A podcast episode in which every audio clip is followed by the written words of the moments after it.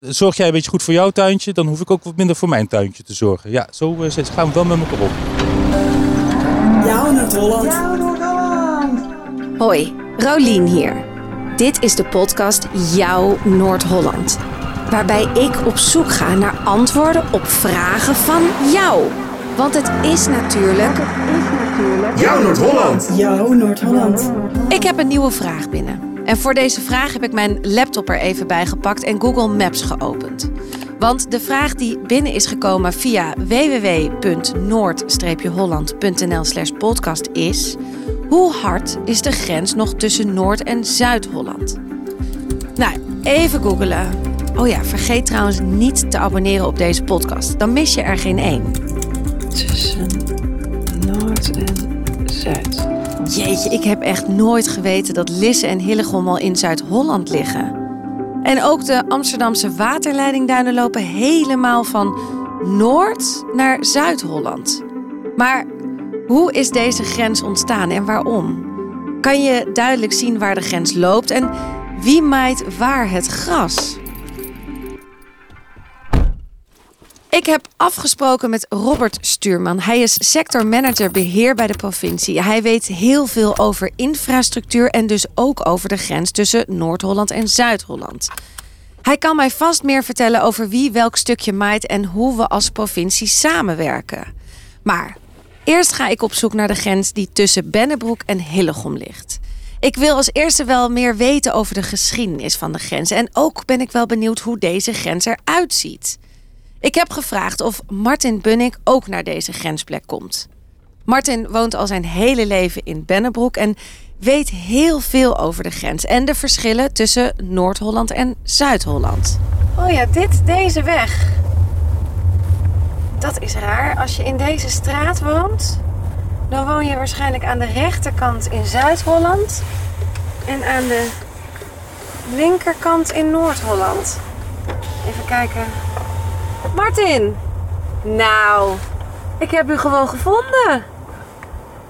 Is dat nou Noord-Holland en dat Zuid-Holland? Inderdaad. De Kennemerbeekweg, waar Martin woont, is precies de grens tussen Noord- en Zuid-Holland. En ik sta dus met mijn voorwielen in de ene provincie en met mijn achterwielen in de andere. Ik zet mijn auto aan de kant en wandel met Martin langs de grenspalen bij hem in de straat. Het zijn van die oude, grijze stenen palen. Waar aan de ene kant de H van Hillegom staat en aan de andere kant de B van Pennebroek. Deze historische grenspalen wilde de provincie Noord-Holland onlangs weghalen. Maar dan ken je Martin nog niet. Ze dachten van, uh, die staat uh, niet in de provincie Noord-Holland. En ik heb uh, toegang tot het kadaster, dus dat heb ik eens even uitgezocht. En en het blijkt dus wel op, precies op de grens te staan. En inderdaad heeft de provincie Noord-Holland besloten om hun voorstel in te trekken. En het blijft gewoon een provinciaal monument precies op de grens. Terug in de geschiedenis. Waarom is de grens ontstaan? De grens is ontstaan door uh, zorgen dat er rechtsgebieden waren. Het heeft te maken met bestuur. Je kan je voorstellen dat 2000 jaar geleden nauwelijks bestuur bestond. En eh, zo in de loop van de eeuwen werd dat eh, steeds meer aangescherpt. Het, eh, er kwamen steeds meer mensen. Als je ook een stukje grond had, dan ja, dat, dat, moest ook aangegeven worden, moest beschermd worden. Ik kan ook wel vertellen, er was hier op een gegeven moment ook in de buurt een conflict. En ja, waar ga je dat, naar welk gerechtshof ga je dat nou brengen? Je kan natuurlijk niet helemaal ver gaan. Dus er was het eigenlijk in twee delen verdeeld. Je had het dus het gerechtshof in Den Haag. En er was ook een deel dus uh, wat vanuit uh, Noord-Holland gedaan werd, vanuit uh, Kennemerland. En wanneer hebben ze dan die grens ingevoerd? Wanneer, waar, wanneer is dat gebeurd? Wij vermoeden dat het door graaf Willem II is geweest in ongeveer in, 12, in 11, 1245. Ja. Jeetje, de grens bestaat dus al heel lang. Maar is er eigenlijk cultuurverschil? We staan hier nu op een punt. En dan kan je dus op een gegeven moment toch wel het grote cultuurverschil vinden tussen het Zuid-Hollandse deel en het Noord-Hollandse deel. Want je ziet daar op een gegeven moment dat de duinen afgegraven zijn. En het afgegraven gebied is Zuid-Holland. Daar liggen allemaal uh, kale bollevelden. Kleurt natuurlijk in april erg mooi, maar verder is het het hele jaar staat lelijk, want er staan grote bollenschuren vaak op enzovoort. Bennenbroek is eh, gebouwd echt op oud duin. En dat is niet afgegraven. En dat komt ook omdat de ambachtsvrouwen van Bennenbroek verbood om zand af te graven hier. Dus die hebben op een gegeven moment ook haar grond verkocht. Onder wel één voorwaarde. Je mag geen grond verplaatsen. Want ze wilden het karakter van Bennenbroek behouden. En dat staat nu nog steeds. Als iemand een huis koopt, hier in dit duingebied, staat nog steeds in het contract. Dat bijvoorbeeld voor de notaris, nou, voor de notaris wordt het overgedragen. Je mag geen grond verplaatsen. Kijk, en dit Ja. is allemaal afgegraven. Ja. En daar zie je dus inderdaad toch de weg lopen die boven de bollevelden liggen. Dus Ja. dit is allemaal in de vorige eeuw afgegraven. Ik zie het inderdaad. En dus de wegen zijn nog wat hoger, allemaal ook in Hillegom. Ja, ook in heel Maar de, de, de weilanden zijn allemaal lager. Dus Ja. dat zijn echt de bolle velden. Jouw Noord-Holland. En als je dan aan de, als we even hier gaan staan, voel je je nu echt een Noord-Hollander? Nee hoor. En als we daar gaan staan, dan gaan we lopen we nog even naar de andere kant. Voel je je nu een Zuid-Hollander? dus we kunnen misschien concluderen dat het heel goed samengaat, Ja. Noord en Zuid. Ja hoor, Maar dat het toch andere cultuurtjes zijn. vind ik wel. Wat mooi. Martin is al zijn hele leven bezig met de grens. Ik weet nu ook hoe die grens is ontstaan en dat je er eigenlijk weinig van merkt. Maar hoe hard is die grens? Hoe gaat het nou met strooien en maaien? Dat ga ik vragen aan Robert Stuurman. Eh, buiten zie je ze haast niet meer. Je hebt dat eh, gezien. Het is meer historisch erfgoed dan dat het duidelijk een, een lijn is of een eh, palenreeks. Maar die grenzen zijn er wel degelijk. En die staan natuurlijk ook gewoon keihard en snoeihard op papier. En tegenwoordig natuurlijk digitaal op papier. Dus die grenzen zijn er en die bepalen heel veel in ons leven. Vertel! Nou, simpele dingen als hoe we dingen organiseren. waar jij moet stemmen. waar jij je vergunning moet aanvragen. Wordt allemaal bepaald waar je woont.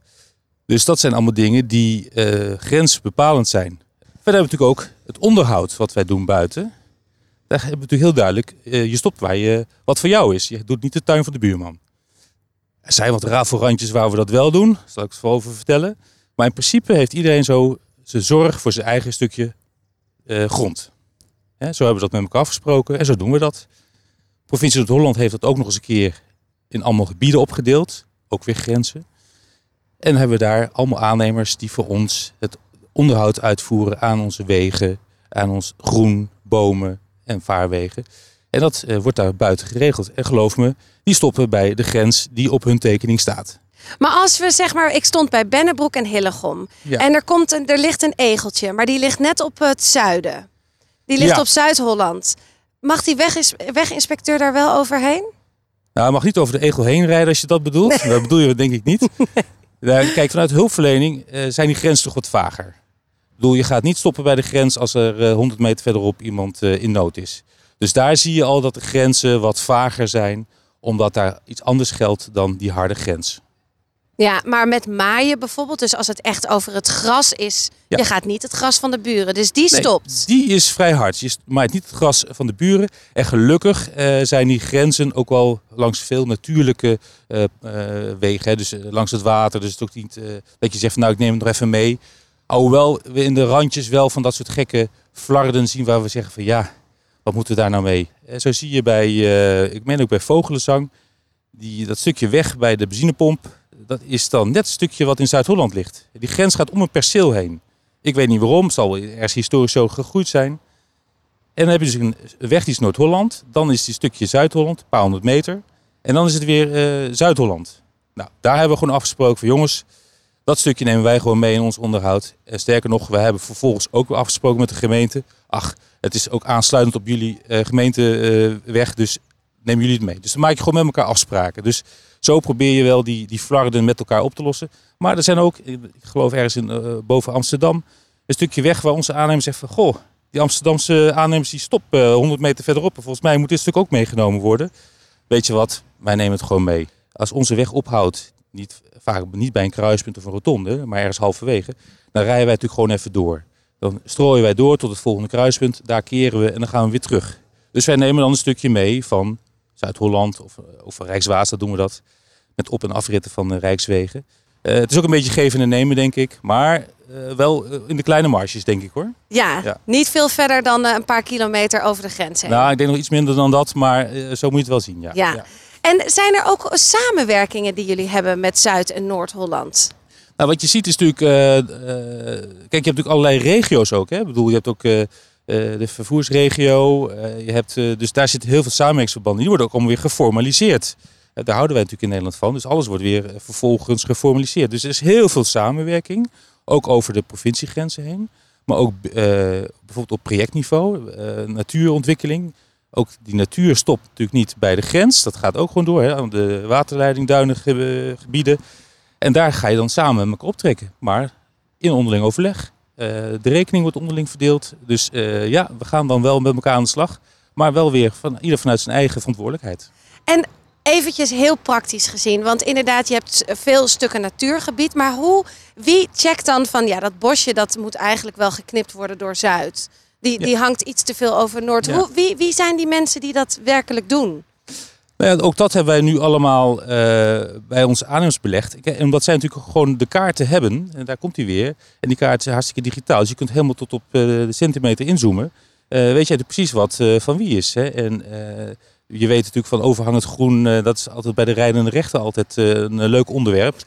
Eh, ik denk niet dat wij de rechter gaan opzoeken. Maar wij wijzen wel naar elkaar van... Goh, wil je eventjes jouw, eh, jouw eh, zorg hè, voor het eh, onderhoud wel even op je nemen. Dat zie je bijvoorbeeld ook met dingen die overwaaien. Wat dacht je van plaagplanten die, waarvan het zaad mooi de grens overwaait. Dan heb je vervolgens wel weer een onderhoudsverplichting erbij, omdat dat onkruid weer komt. Dus we kijken wel een beetje op elkaar. Van, zorg jij een beetje goed voor jouw tuintje, dan hoef ik ook wat minder voor mijn tuintje te zorgen. Ja, zo gaan we wel met elkaar om. Oké, dus het is een goede verstandshouding, maar er is een duidelijke grens. Er is een duidelijke grens. Het antwoord op de vraag hoe hard is die grens? Ja, is mij duidelijk. De grens is er wel degelijk. En zeker nu de hele omgeving digitaal in kaart is gebracht, kun je dus tot op de centimeter nauwkeurig opzoeken waar die loopt.